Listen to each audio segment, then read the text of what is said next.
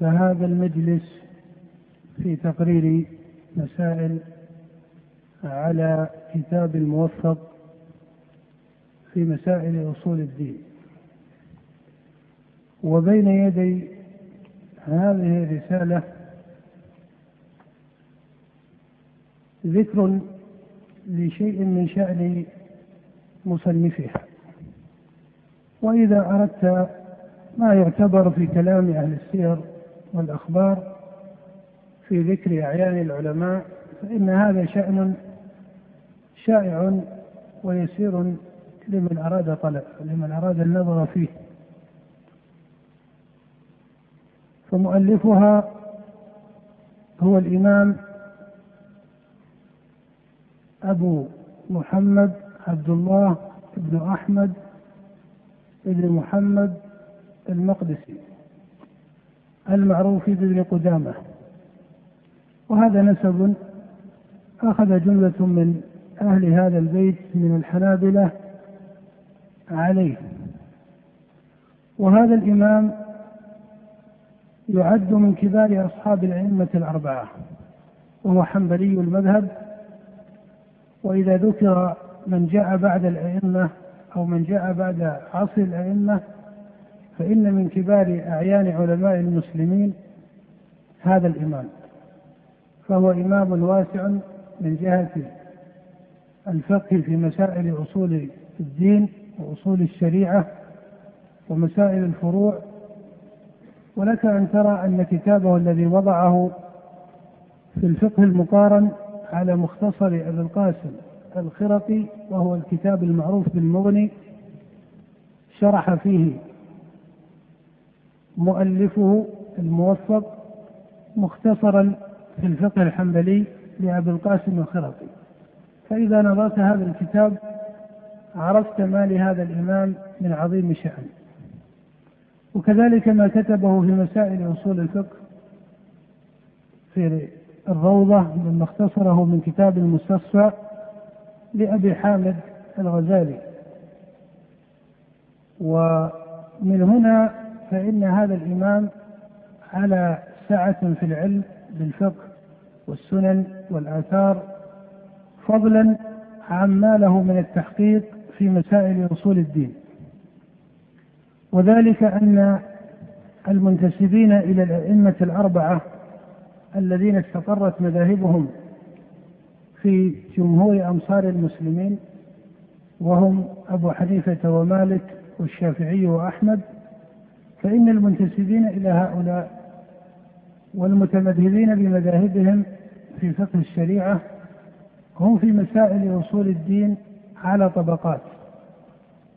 الطبقة الأولى هم المحققون لطريقة المتقدمين من الأئمة الذين وافقوا الأئمة في مسائل أصول الدين وحققوا طريقتهم. وهؤلاء لهم أمثلة كأبي عمر بن عبد البر في المالكية أو كابن كثير في الشافعية. ومن هؤلاء في الحنابلة الموفق رحمه الله فإن طريقته كما ذكر شيخ الإسلام ابن تيمية رحمه الله لما ذكر أصحاب الأئمة ذكر أن من المنتحرين لطريقة الأئمة على التحقيق في مسائل الأصول الإمام الموفق. وطبقة من أتباع الأئمة الأربعة ممن ينتسب إلى الشافعي أو مالك أو أبي حنيفة أو أحمد مائل إلى علم الكلام أو منتحل لشيء من طرقه ولهذا فليس سائر الحنابلة ولا سائر الشافعية ولا سائر المالكية ولا سائر الحنفية في مسائل العقائد وأصول الدين على جادة واحدة وطريقة واحدة. فمنهم الموافق لطريقة الأئمة والسلف وهذا له مثالات ومؤلف هذه الرسالة منهم ومنهم المنتحل لمذهب من مذاهب أهل الكلام المبتدع المذموم عند السلف. وأنت ترى أن طائفة من فقهاء الحنفية معتزلة وكثير من فقهاء الحنفية على مذهب أبي منصور الماتوريدي. إنما كان كذلك لأن أبا منصور نفسه كان حنفي المذهب وطائفة من الحنفية أشعرية محضة على طريقة المتكلمين من الأشاعرة وكذلك الشافعية فإن كثيرا من متأخريهم أشعرية لأن أبا الحسن رحمه الله أعني إمام الأشعرية كان شافعي المذهب وكذلك المالكية طائفة منهم أشعرية. والحنابلة هم من أبعد الطوائف الأربع عن الطوائف الفقهية عن علم الكلام. ومع ذلك فإن طائفة من علمائهم المتأخرين تأثروا بمادة علم الكلام كأبي الوفاء بن عقيل. فإنه درس في مطلع أمره على بعض شيوخ المعتزلة كأبي علي بن الوليد وأبي القاسم بن التبان المعتزليين وكان من أصحاب ابن الحسين البصري الحنفي. وإن كان ابن عقيل رحمه الله رجع عن طريقته هذه وكتب الانتصار لأهل الحديث. فالمقصود أن أصحاب الأئمة ليسوا شأنا واحدا ففيهم المتمسك بآثار السالفين وفيهم من تأثر بشيء من علم الكلام أو انتحل شيئا من طرقه ومنهم من هو بين ذلك كما هي طريقة جماعة من شراح الحديث الذين كتبوا في شرح الصحيحين والسنن وغيرها؟ فترى أن طائفة من هؤلاء عندهم مادة من التحقيق على طريقة السلف وعندهم مادة من التأثر ببعض أصحابهم. فلا يلزم أن الواحد من الفقهاء لا بد أن يضاف إلى مذهب معين. وإذا أردت الإجمال فإنه يصح أن يقال إن الجمهور من أتباع الأئمة الأربعة منتسبون للسنة والجماعة معظمون لطريقة السلف وإن كانوا في تحقيقها على درجات. وأما الذي ينفك عن طريقة السلف انفكاكا مطلقا فإنهم قلة ممن انتسب لمذهب المعتزلة لفقهاء الأحناف. وإنما يقال ذلك لأن سائر الأشاعرة ينتسبون لأهل السنة والجماعة. وكذلك سائر الماتريدية ينتسبون لأهل السنة والجماعة. وإن كان الانتساب ليس وحده يكون كافيا فإن الاعتبار بتحقيق المسائل أكثر مما يتعلق بشأن الانتساب إلى أحد هذه المذاهب. فالمتحصل من هذا أن أتباع الأئمة الأربعة من الفقهاء ليسوا على طريقة واحدة في مسائل أصول الدين. فمنهم المحقق ومنهم دون ذلك ومنهم المنتحل لمذهب يظهر في كثير من مسائله وأصوله المخالفة لطريقة السلف. فهذا فيما يتعلق بجملة من شأن مؤلف هذه الرسالة. وأما هذه الرسالة وهي اللمعة في الاعتقاد الهادي إلى سبيل الرشاد فهي رسالة فاضلة جامعة لجملة من مسائل أصول الدين التي تنازع فيها أهل القبلة. وإذا ذكر أهل القبلة فإنما يعنى بهم سواد المسلمين من أهل السنة وغيرهم. فهذه رسالة ذكر فيها المؤلف رحمه الله جملة من مسائل أصول الدين على طريقة مقاربة لطريقة الأئمة السالفين حيث ذكر جملا من أقوال السلف والأئمة فضلا عما يذكره من الدلائل الشرعية من كلام الله ورسوله صلى الله عليه وآله وسلم. وهذه الرسالة إذا تأملتها وجدت أن الإمام ابن تيمية رحمه الله لما وضع أو كتب الرسالة الواسطية فإنه درج على هذه الرسالة للإمام الموفق. وكان شيخ الإسلام ابن تيمية رحمه الله معظما لأبي محمد الموفق وقال عنه كلمة أنه لم يدخل الشام بعد الأوزاعي أفقه من أبي محمد. فالمقصود أن هذه الرسالة رسالة لها اختصاص والرسالة الواسطية المعروفة لشيخ الإسلام ابن تيمية قد وضعها الإمام ابن تيمية على محاكاة هذه الرسالة للموفق فإنه كان شديد التعظيم له. وأنت إذا قرأت الرسالتين بان لك أن الإمام ابن تيمية قد حاكى الموفق في رسالته ورتبها على جملة ترتيبه. وإن كان شيخ الإسلام آه، استظهر فيها أكثر في باب الاستدلال بالنصوص وزاد عليها جملا وأصولا كمسألة العلو فإنه أطال فيها بما لم يقع في كلام الموفق من التفصيل. وكذلك مسألة القدر فإنه فصلها. فالمحصل أن الفرق بين الرسالتين ربما يتحقق في أن كلام الإمام ابن تيمية أكثر تفصيلا. بخلاف الموفق فإن في كلامه إجمالا. فإنه في كلامه فإن في كلامه إجمالا آه، وإن كان إجمالا آه، لا ينقطع عن التمام والبيان في موضع آخر. هذه الرسالة تعد من الرسائل الفاضلة في تحقيق عقيدة السلف أهل السنة والجماعة. وإن كان بعض المعاصرين وممن تكلم على هذه الرسالة قد بالغوا في بعض التسريب على صاحبها في بعض المسائل وذكروا أنه ليس محققا لمذهب السلف أو طريقتهم ونظروا في شيء من كلامه في مسألة التفويض كما سيأتي إن شاء الله التعليق عليه وبعض الأحرف الأخرى. والتحقيق أن هذه الرسالة ليس فيها غلط صريح. هذه نتيجة نصل إليها أن هذه الرسالة اللمعة للموفق رحمه الله ليس فيها غلط صريح وإنما فيها بعض المواضع التي فيها قدر من الإجمال والتردد.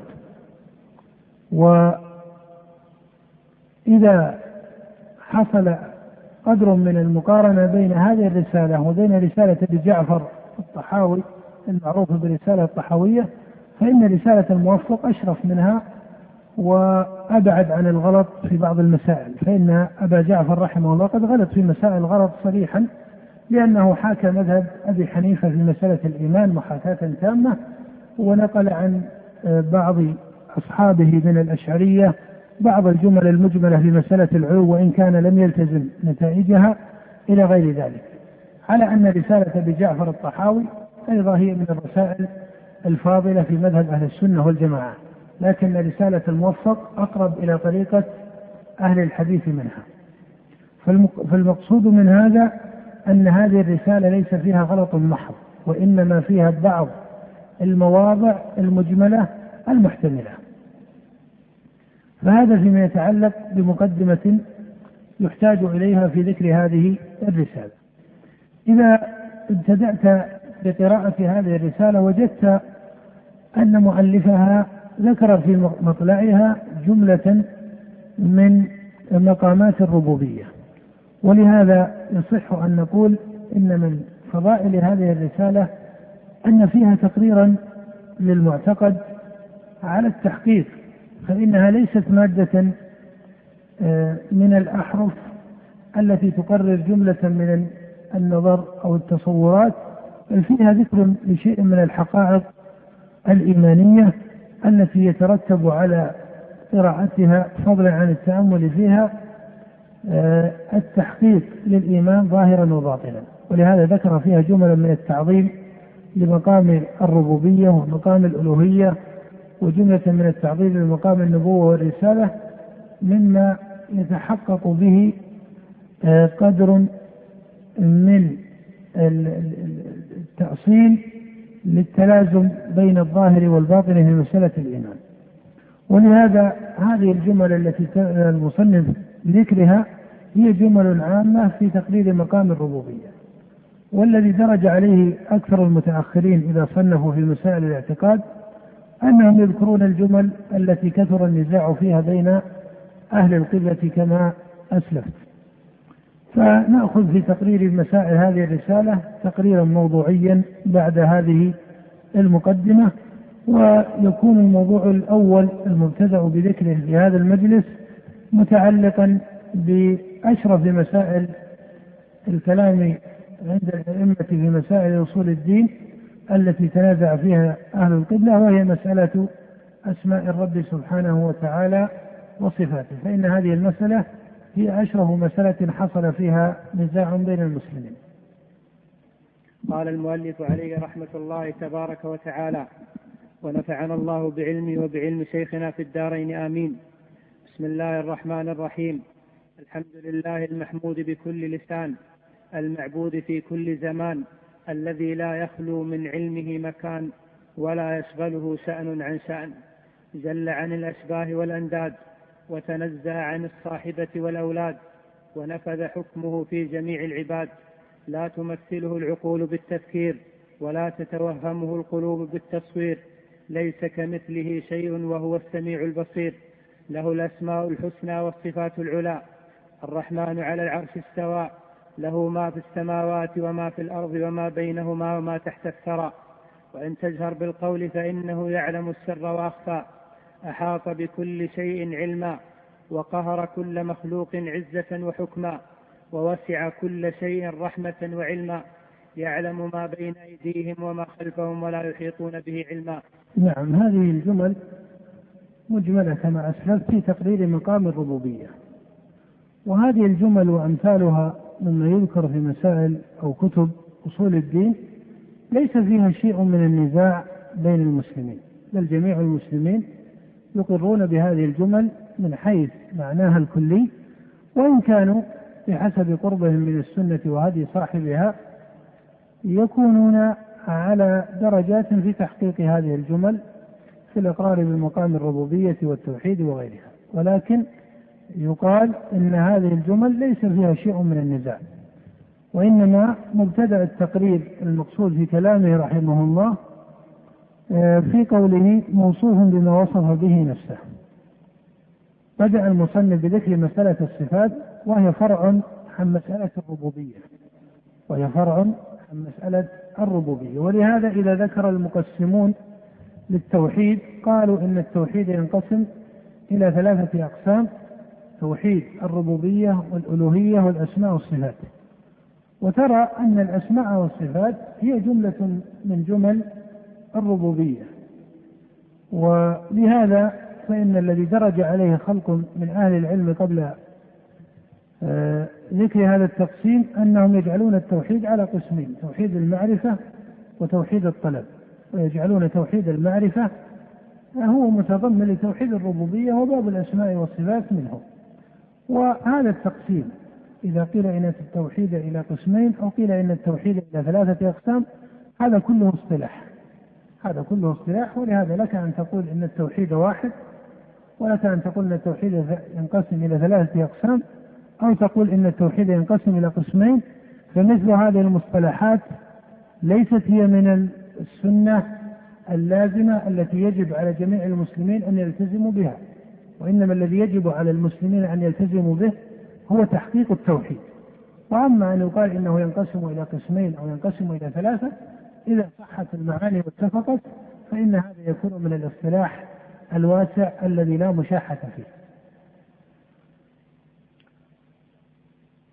فيما يتعلق بجملة توحيد الربوبية هذه الجملة ليس فيها نزاع بين المسلمين. وإن كنت وإن كان كما أسلفت المسلمون يختلفون في تحقيقها بحسب قربهم من السنة والجماعة. وكذلك جملة توحيد الألوهية. وهو إفراد الله سبحانه وتعالى بالعبادة. فهذا التوحيد ليس فيه خلاف بين فرق المسلمين أعني الخلاف النظري. بمعنى أنه ليس هناك طائفة من طوائف المسلمين تعارض في مناط هذا التوحيد وتقرر حقائق الشرك.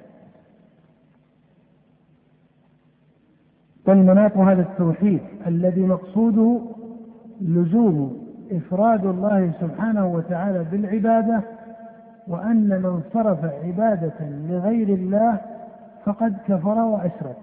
هذا القدر وهو مناط توحيد الألوهية هذا قدر مجمع عليه بين سائر طوائف المسلمين من أهل السنة والمتكلمين معتزلتهم وأشعريتهم وعامة الصوفية إلى غير ذلك. وإن كان هذا الكلام لا يلزم منه أن الطوائف الخارجة عن السنة والجماعة تكون محققة لهذا المناط بل يعلم أن ثمة صورا من الشرك تقع عند جملة من الطوائف كغالية الشيعة وغالية الصوفية فإنهم يقعون في مادة من الشرك الأكبر. وهذا عند بعض غلاة طوائفهم. ولكن من حيث المناط النظري فليس بين المسلمين نزاع في توحيد الألوهية. وإن كان يقال كما يقرره كثير من أهل العلم إن المتكلمين ولا سيما المعتزلة والأشاعرة الغالية في علم الكلام أي يعني غالية الأشعرية لا يعنون بذكر مسألة توحيد الألوهية. ومنهم من يقول إنهم لا يعرفونه. وهذا فيه زيادة. بل توحيد العبادة توحيد الألوهية معروف عند المعتزلة معروف عند الأشاعرة لكنهم لا يعنون بذكره. هذا صحيح. فعندهم تقصير في تقريره وفي بيانه وفي تحقيقه وفي بيان أنه أول الواجبات. هذا كله متحقق. فالقوم مقصرون في تحقيقه. وإن كانوا موافقين في أصله.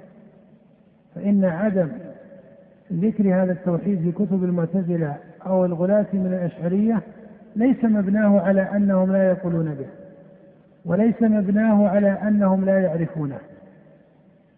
فإن إفراد الله بالعبادة مستقر عند عامة طوائف المسلمين وإن كان كما أسلفت أن هذا الاستقرار يدخل عليه فوات إلى حد الشرك الأكبر عند قوم من غالية الشيعة أو غالية الصوفية. وجماهير الصوفية وعامتهم يثبتون أصل التوحيد ويحققونه. وكذلك أكثر طوائف الشيعة يثبتون أصل التوحيد ويحققونه من جهة كونه أصلا. وإن كانت هذه الطائفة وهذه الطائفة يقع عندها مادة. من هذا إما شركا أصغر أو شركا أكبر. فالمقصود من هذا أن توحيد الألوهية من حيث الأصل مسلم عند سائر المسلمين. ولا أحد من المسلمين يقول إن صرف عبادة لغير الله صحيح أو مما يؤذن فيه أو مما يسوء. وإن كان باب التأويل يقع فيه سعة ولا سيما عند الطائفتين اللتين سبق ذكرهما. وأما ما يتعلق بباب الأسماء والصفات فإن المسلمين اختلفوا في مناطق اختلافا معروفا. وإن كان أصل بابه مجمعا عليه بين المسلمين. فإن قيل فما الفرق بين أصل بابه وبين مناطه قيل المراد بأصل باب الأسماء والصفات هو أن الله سبحانه وتعالى مستحق للكمال منزه عن النقص. هذا القدر أن الله تعالى مستحق للكمال منزه عن النقص هذا مجمع عليه بين سائر طوائف المسلمين. ولا أحد من المسلمين يقول إن الله موصوف بشيء من النقص لا معتزلة ولا أشاعرة ولا ماتريدية بل هذا قدر مجمع عليه. ولا يقول بمعارض هذا الأصل إلا زنديق كافر. فإنه لو قال أحد إن الله يوصف بما هو نقص أو قال إن الله ليس مستحقا للكمال والتمام فإن هذا لا يمكن أن يكون مسلما ينتسب لطائفة من طوائف المسلمين حتى ولو كانت طائفة بدعية. ولهذا قال شيخ الإسلام ابن تيمية رحمه الله وقد اتفق المسلمون على أن الله سبحانه مستحق للكمال منزه عن النقص وإنما اختلفوا في تحقيق المناط. ومعنى هذا الكلام أن المسلمين اختلفت طوائفهم فيما هو الكمال وما هو النقص. فالذي عليه الصحابة رضي الله تعالى عنهم والأئمة من بعدهم وهو طريق أهل السنة والجماعة والسلف أن تحقيق الكمال هو بإثبات ما أثبته الله لنفسه أو أثبته له رسوله صلى الله عليه وسلم من الأسماء والصفات. وأن ينفى عنه سبحانه وتعالى كل نقص مما صرح بذكره في كتاب الله أو لم يصرح بذكره. وسيأتي إن شاء الله الفرق بين باب الإثبات في الصفات وباب النفي. فهذا هو الكمال عند أهل السنة والجماعة. وذهبت المعتزلة إلى أن الكمال هو في نفي الصفات. وذهب الأشاعرة إلى أن الكمال في نفي صفات الأفعال التي يسمونها حلول الحوادث. إلى غير ذلك من الطرق التي ابتدعت وحصل بها شر وفتنة وبلاء وغلط في مسائل أصول الدين عند المسلمين. ولكن مع ما يقرر من غلط هذه الطوائف وبدعتها وخروجها عن السنة والجماعة إلى أقوال محدثة منكرة كثير منها يقع أو يصل إلى حد الكفر من حيث هو قول وإن كان القائل به لا يلزم أن يكون كافرا فإن أصل هذا الباب كان على اتفاق بين المسلمين وإنما دخلت مادة التأويل. هذا الأصل وهو باب الأسماء والصفات. هو أول أصل أو عفوا هو أشرف أصل تنازع فيه المسلمون. وإذا أردت أن تستعرض على جملة من الإجمال ما حصل من النزاع في مسائل أصول الدين بين المسلمين فإنه يقال إن النبي صلى الله عليه وسلم جاء بتقرير مسائل أصول الدين وبذكر مسائل الفروع وأحكم الشريعة عليه الصلاة والسلام وذهب وتوفي على هذا التمام والكمال الذي قال الله فيه اليوم أكملت لكم دينكم. ومضى على هذا زمن الصديق. ثم جاءت خلافة عمر وفيها مادة من مقدمات الفتنة وأشدها مقتله رضي الله تعالى عنه. فإن النبي صلى الله عليه وسلم لما ذكر الفتن في حديث حذيفة في الصحيح قال وإن بينك وبينها بابا يوشك أن يكسر. وكان كسره هو مقتل أمير المؤمنين عمر رضي الله تعالى عنه. ثم لما جاء زمن وخلافة عثمان كثر الشر والفتنة من مسلمة الفتوح من أهل العراق وغيرهم. ثم لما جاءت خلافة أمير المؤمنين علي زادت الفتنة وحصل ما حصل مما هو معروف فحصل أول نزاع بين المسلمين في مسائل أصول الدين في مسألة الإيمان. ما هو الإيمان؟ ومتى يكون الرجل مؤمنا؟ ومتى يكون مسلما؟ ومتى يكون كافرا؟ وأول من أظهر المخالفة والخروج عن السنة والجماعة هم قوم حدث النبي صلى الله عليه وآله وسلم بشأنهم وهم الخوارج. قال الإمام أحمد صح الحديث في الخوارج من عشرة أوجه. وحديثهم متواتر روى مسلم في صحيحه عشرة أوجه من حديث الخوارج وأخرج البخاري طرفا منها وهو حديث متفق عليه بين أهل العلم بالحديث.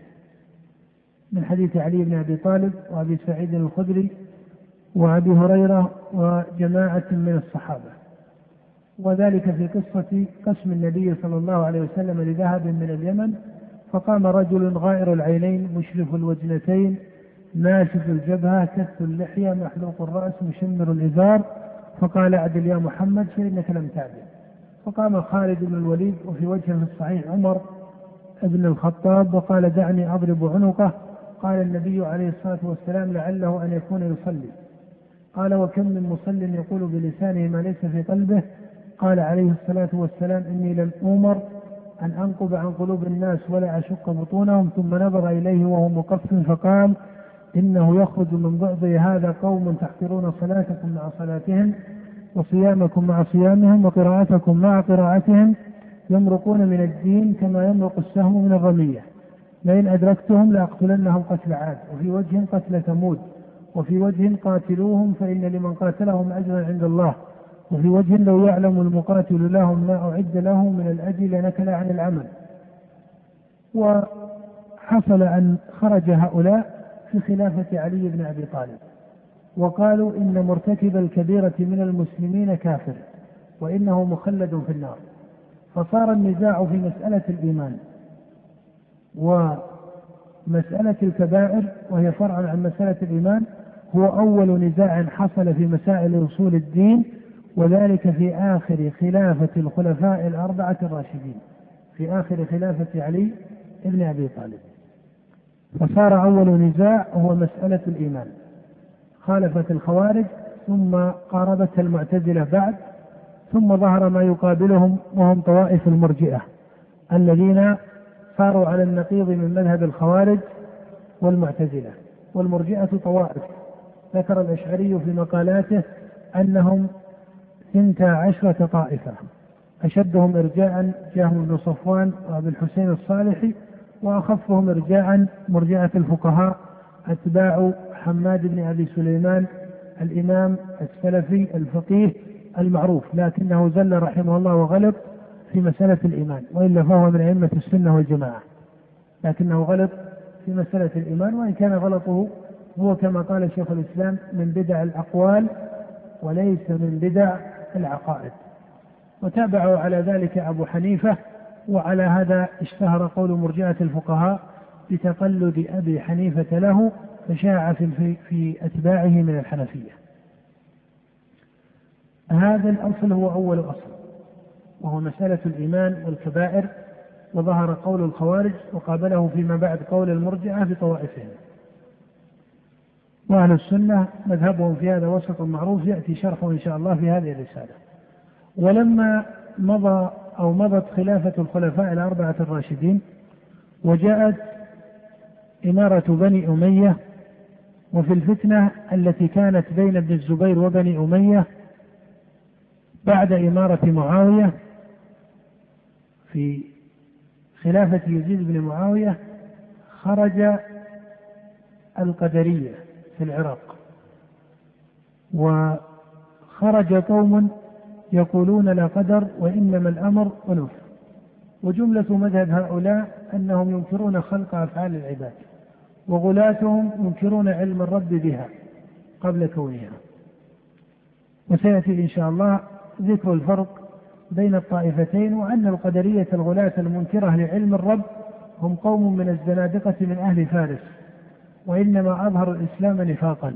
وهذا هو التحقيق في شأنهم وأنهم ليسوا من المسلمين في شيء. وقد أجمعت لا نقول أهل السنة بل أجمع المعتزلة القدرية على تكفير هؤلاء الغلاة. فضلا عن إجماع جملة طوائف المسلمين. وأما غير الغلاة من القدرية فإنهم أهل بدعة وقولهم كفر وإن كانوا ليسوا كفارا. قال شيخ الإسلام رحمه الله وهذا النوع من القدرية ما علمت أحدا من السلف نطق بتكفيرهم. فالمقصود أن الأصل الثاني الذي حصل فيه نزاع هو القدر. ظهر القدرية وقابلهم الجبرية الذين يقولون بجبر العباد. وكان هذا قبل انقراض عصر الصحابة في آخر عصر الصحابة وبعد انقراض عصر الخلفاء الراشدين. وأما المسائل الإلهية فإن عصر الصحابة انقرض ولم يحصل فيها نزاع بين أهل القبلة. وفي المئة الثانية وبعد عصر الصحابة ظهر قوم ينتحلون علم الكلام. وهو علم مولد من الفلسفة من فلسفة اليونان وغيرهم وأظهروا تعطيل الصفات كالجعد بن درهم والجهم بن صفوان وأمثال هؤلاء. فهؤلاء هم القوم الذين ضلوا في هذا الباب ضلالا مبينا ولهذا كان السلف رحمهم الله يرون أن قول الجهمية قول كفر وقد أجمع السلف على جملة من أقوال الجهمية على أنها كفر وإن كانوا لم يلتزموا تكفير أعيانهم. فلكون هذه المسألة هي أشرف المسائل التي حصل فيها النزاع قصد المؤلف رحمه الله إلى تعظيم شأنها وذكرها على التفصيل في مبدأ رسالته. نعم.